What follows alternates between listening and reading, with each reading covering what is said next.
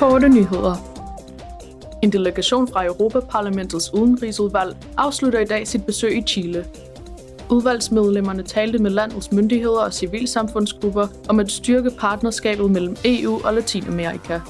I morgen tager udvalgsmedlemmerne til Brasilien for at se nærmere på, hvordan forbindelserne mellem EU og Brasilien kan styrkes, samt på Brasiliens holdning til den russiske krig og kampen mod klimaændringer og skovrydning.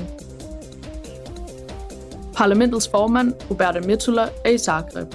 I går mødte hun Kroatiens premierminister, Andrej Plenković, og deltog i en konference om Kroatiens 10 år som medlem af EU, samt et borgerarrangement med unge. I dag vil Metula holde en tale for det kroatiske parlament, og i morgen i London deltager hun i en konference om Ukraines genopretning, hvor hun skal holde en hovedtale ved konferencens parlamentariske arrangement i Westminster. En delegation fra Kultur- og Uddannelsesudvalget er i dag i Skotland.